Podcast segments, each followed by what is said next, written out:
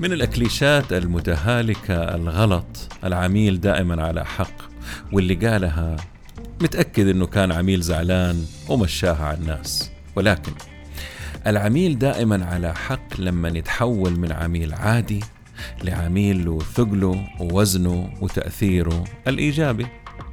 للأسف حتى لو كان على حق وحتى لو كان له تأثير إيجابي أو سلبي ما تقدر تثق في عميلك إنه راح يكون عميل وفي ويستمر معك.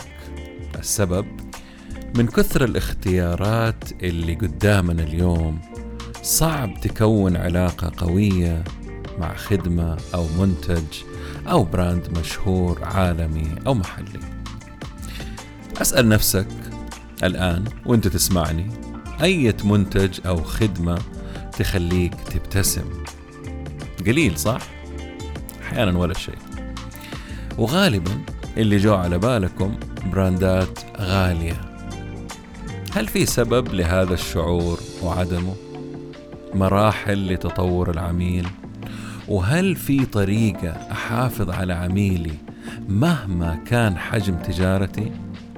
ولا الموضوع فلت من يدنا؟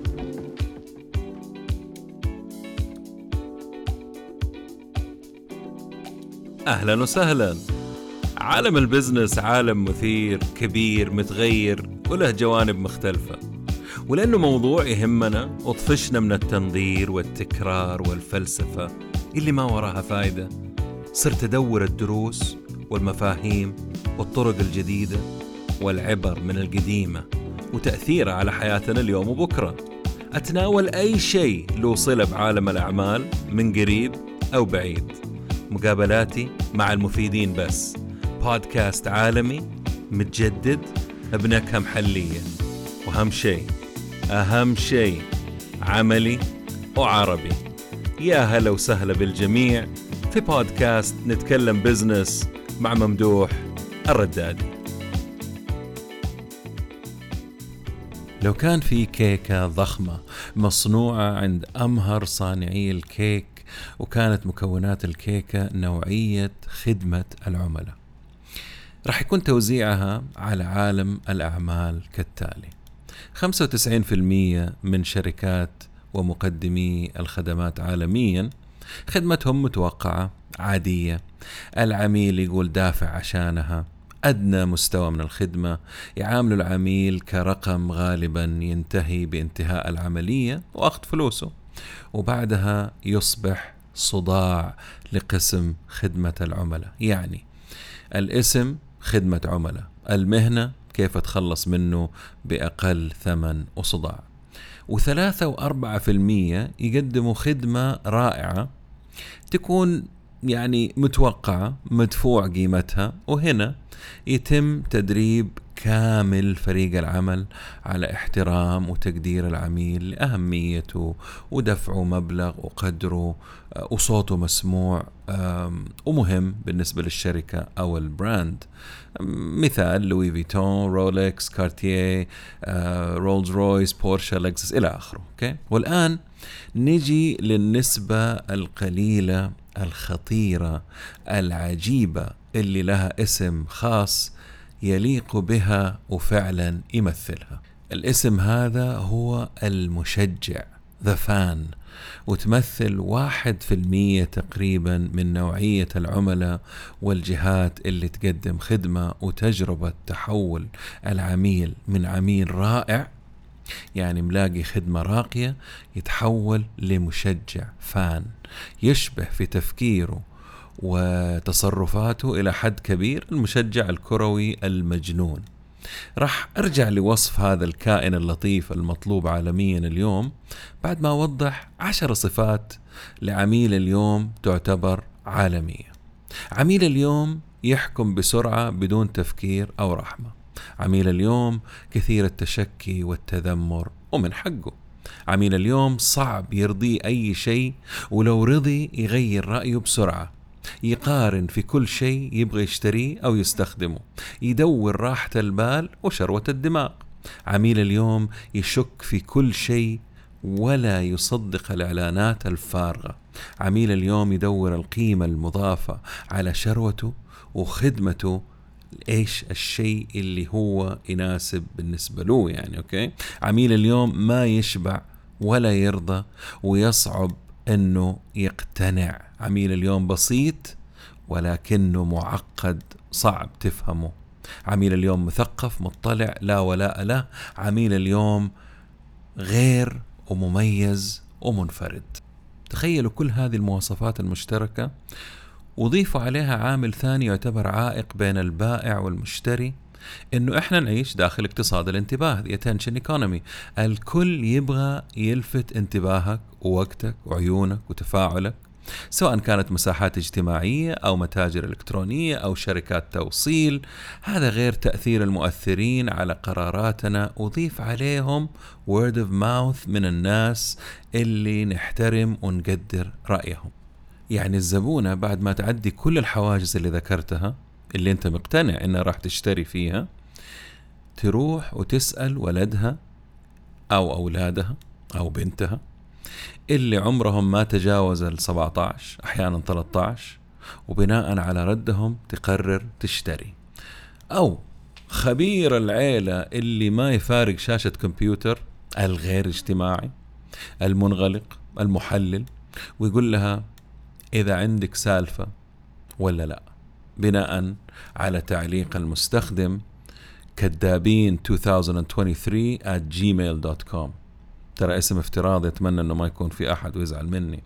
ويقول في تعليقه هذا كذابين 2023 أشتريت الجهاز وبعد سنة صار يعلق بعد زيارة الصيانة اكتشفت إنه اللي يشتغل هناك شايف نفسه وما يحترم الزباين. رميت الجهاز في وجهه وطلبت استرداد مبلغ وطولوا أكثر من يومين لين رجعت فلوسي.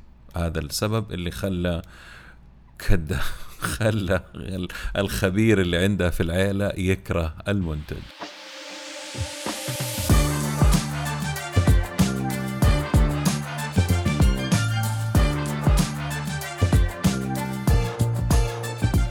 ولا ننسى غير تشتت انتباهنا وتعرضنا للإعلانات على جميع الوسائل في السبعينات. على فكرة كانت ما بين 500 ل 1600 إعلان بدون الأونلاين يعني جرايد تلفزيون راديو طرق ومجلات.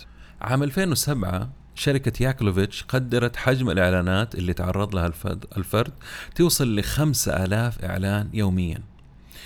ولو وصلنا لتاريخنا ووقتنا الحالي الرقم تجاوز ال 6000 آه وقد يصل إلى عشر آلاف إعلان يوميا. تخيلوا نتعرض لعشرة إلى عشر آلاف إعلان يوميا حسب تحركنا واستهلاكنا للوقت على الساحات الاجتماعية وحركتنا في الشوارع إلى آخره.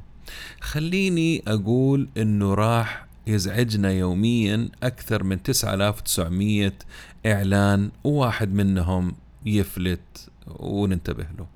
بعد كده يجيك موضوع الوفرة الهائلة من الاختيارات ومو شرط يكون المنافسة على فكرة بين التجار المحليين. تقدر تطلب من أي مكان في العالم وتقارن وسرعة التوصيل لم تعد عائق بسبب اللوجيستكس الرهيبة اللي إحنا عايشينها. هل هناك فرق في أنواع المشترين أو الزباين؟ طبعا.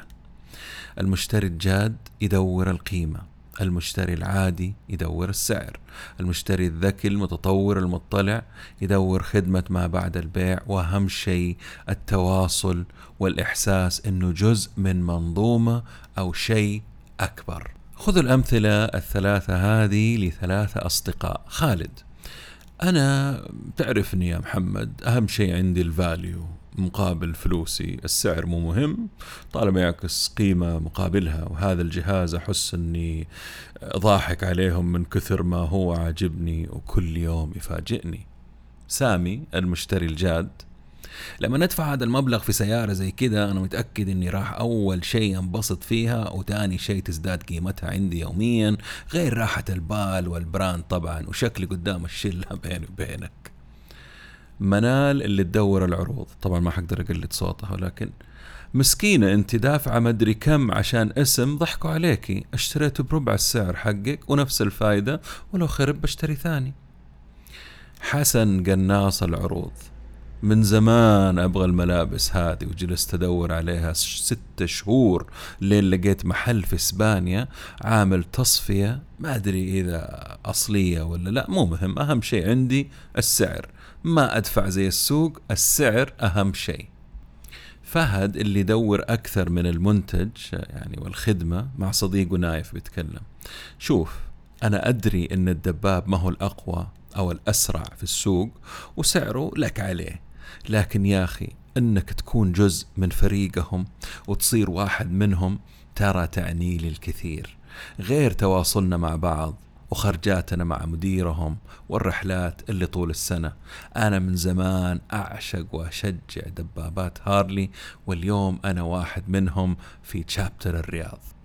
في أول البودكاست تكلمت أنه أقوى عميل ممكن تكونه هو المشجع اللي قريب من مشجع كرة القدم العالمي. صفات مشجع كرة القدم عندهم شغف غريب يعيشوا ويتنفسوا كورة. اثنين عندهم ولاء وأوفياء لفريقهم مهما حصل وبتعصب. ثلاثة معرفة يعني تاريخ الفريق ولعيبته وبطولاته. أربعة تفاني عالي وتضحيات وروح المباريات في أماكن عمرهم ما راحوها ولا كانوا يفكروا يزوروها. خمسة عاطفة عالية. ستة عندهم وحدة وترابط قوي مع باقي المشجعين والرابطة حقت المشجعين سبعة. توصل معاهم للخرافات والخزعبلات. الخزعبلات خمسة أو ثمانية إبداع في تشجيعهم. تسعة التزام وقت وطاقة وفلوس. عشرة صمود أمام الهزائم ويتعافوا بسرعة ودعمهم مستمر.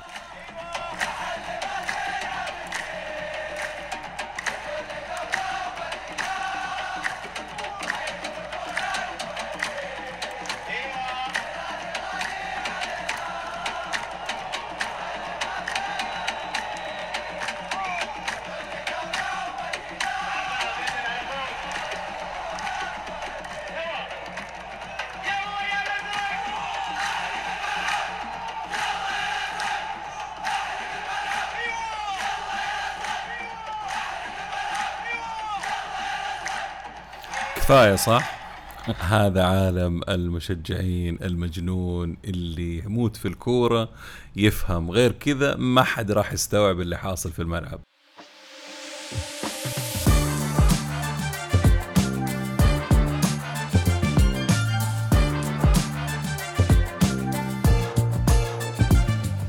هيا تخيل عندك زبون مشجع عنده هذه الصفات لخدمتك اللي تقدمها ولا منتجك أو براندك حتى.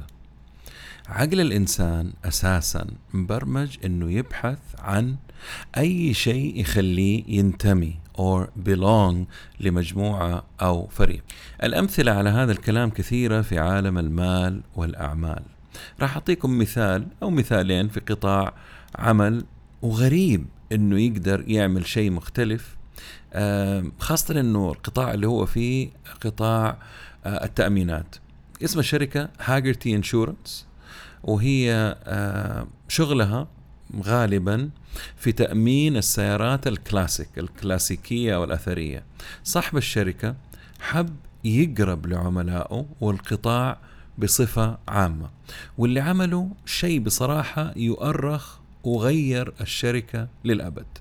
موضوع السيارات القديمة الأثرية ما هي لعبة على فكرة في أمريكا. وزي ما إحنا شايفين بتزيد في العالم العربي. في أكثر من مية معرض لهم سنويا مية معرض.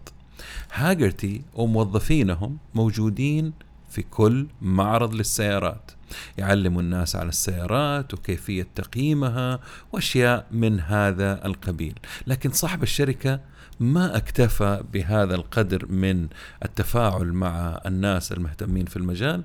وحب يضيف اكتشف في وقت إنه في كل مزاد اللي بيبيعوا أو يشتروا كلهم ما يتجاوزوا العشر أنفار. ومئات جالسين متفرجين فقط. انتبه إنه الحضور عندهم الكتالوجات المطبوعة اللي بتتوزع اللي فيها السيارات المعروضة. وكل واحد جالس لما تحصل بيعة يكتب بقلم السعر اللي انباعت فيه. أبتكر تطبيق هاجرتي كلاسيك كار تراكر وكان مجاني. يخليك تبحث عن السيارات اللي راح تنعرض غير العروض السابقة وأسعار البيع وتقدر تفضل السيارات اللي مهتم فيها داخل التطبيق كمان. وتقدر تعمل صفحة خاصة لك فيها سياراتك الخاصة وتجيك تنبيهات للأسعار اللي في السوق على نفس الموديل اللي عندك. وصلوا عشرين ألف تحميل في أول شهر نزلوا فيه التطبيق وتقدر تتابع كل المزادات في وقت واحد من خلال التطبيق. صاحب الشركة شغال باستمرار يقدم أشياء للمشتركين المهتمين مجلة خاصة أدوات تقييم لسياراتهم مناسبات خاصة خصومات على قطع وخدمات السيارات مساندة على الطريق في حال تعطلت سيارتك وغيرها. هدفه 6 مليون مشترك. إذا وصل لهذا الرقم اللي هو 6 مليون تعتبر موفمنت حركة في الناس. أسمعوا إيش يقول آه، صاحب الشركة. عشان ننجح لازم نشوف الأشياء والأمور من خلال عيون الآخرين وكيف يشتغلوا ويحلوا أمورهم. حاجة بسيطة ولكنها قوية وتأثيرها كبير وأي منظمة تقدر تطبقها عندهم. بناء العلاقات حاجة مهمة في وقتنا الحالي والقادم مع الذكاء الاصطناعي.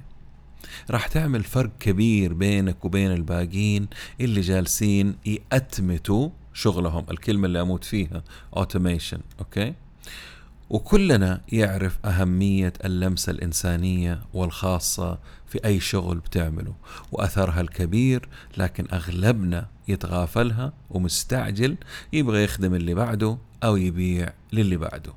هل ممكن السؤال هل ممكن أحول زبون عادي أو عميل جيد لمشجع اللي هو قمة هرم العملاء؟ طالما الموضوع هو بناء علاقات طويلة الأجل لتنمية العمل تنمية العمل عندك طبعا أو عندك إذا أكيد في طريقة تقدروا تعملوها طالما غيرنا عمل.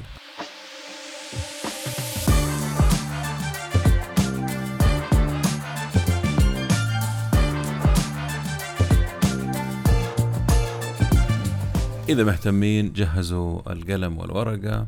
وهذه عشرين طريقة تساعدك تطبق الكلام هذا. يعني تحول عميل لمشجع في العالم العربي. متأكد أنكم لو طبقتوا خمسين في المية فقط راح تفرق معاكم عن المنافسة.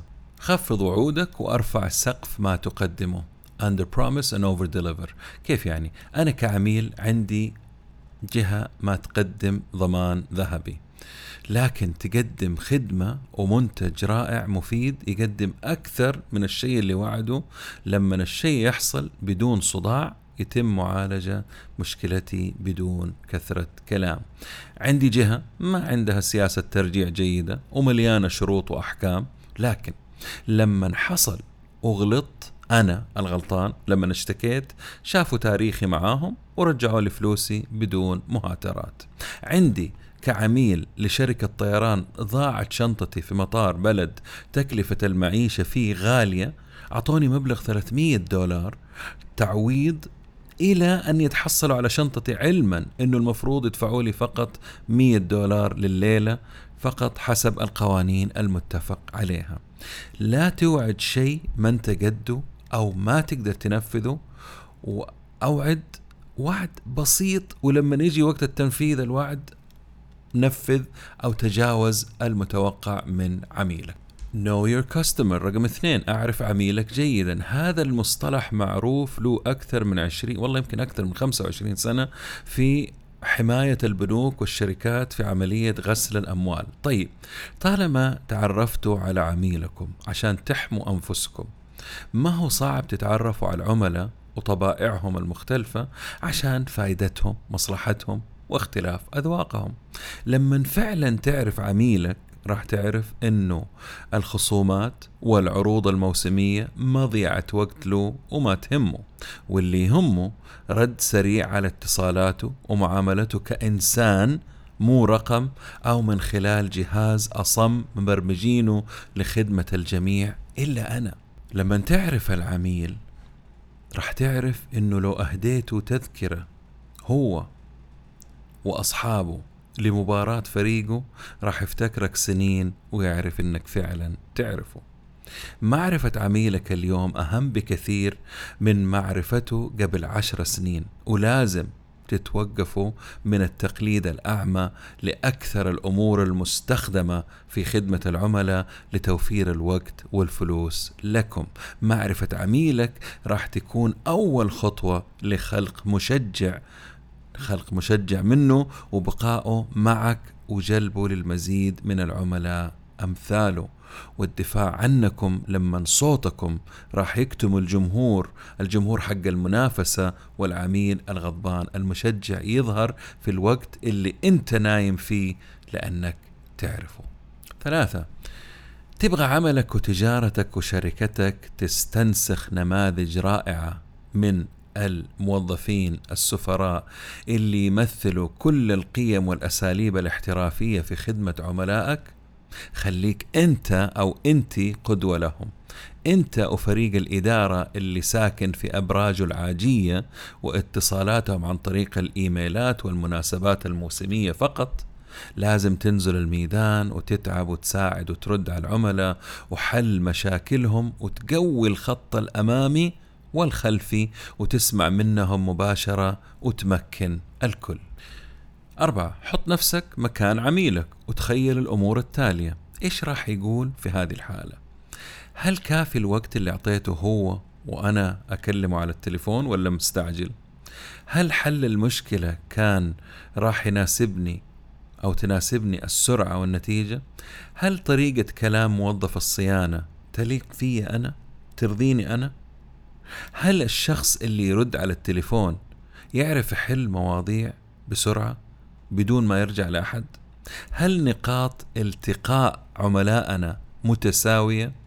يعني التليفون للمحل للمتجر الإلكتروني كلهم متساويين الخدمة ولا مختلفين؟ وغيرها من الأمور حط نفسك محلهم. خمسة عادي تخسر القليل من أجل نيل الكثير. مو كل خسارة تخسرها في عملية تعتبر خسارة. أعتبرها فلوس تسويق غير مباشرة. ترى مو كل العملاء يبغوا يسرقوكم أو يستغلوكم. في نسبة أكيد أنا عارف.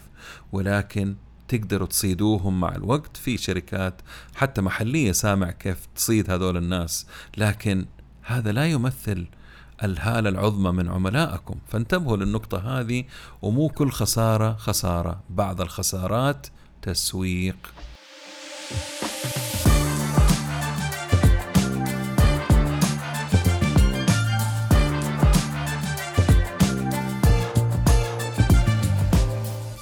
ستة. خلي تصرفاتك وحركتك سريعة ولا تكون بيروقراطي. حاول إنه عملية الاسترداد مثلا ما تطول أكثر من عملية الشراء. حل المشكلة أول وبعدين أسأل ليش حصلت ومين السبب. العميل ما له صلاح في أمورك الداخلية. سبعة. عملية إتمام البيعة عندك أخذت كم من الوقت؟ هل هي معقدة؟ سهلة؟ محيرة؟ ثمانية. فاجئ عميلك اتصل فيه من غير سبب اطمن عليه. أسأله إيش في شيء تقدر تحسنه؟ منافس لنا نستفيد منه. زورهم في مواقعهم أحضر مناسباتهم. وندواتك ومعارضك أنت كن حاضر فيها أجمعهم. وخليهم يتعرفوا على بعض تحت سقف واحد وهدف واحد. تسعة.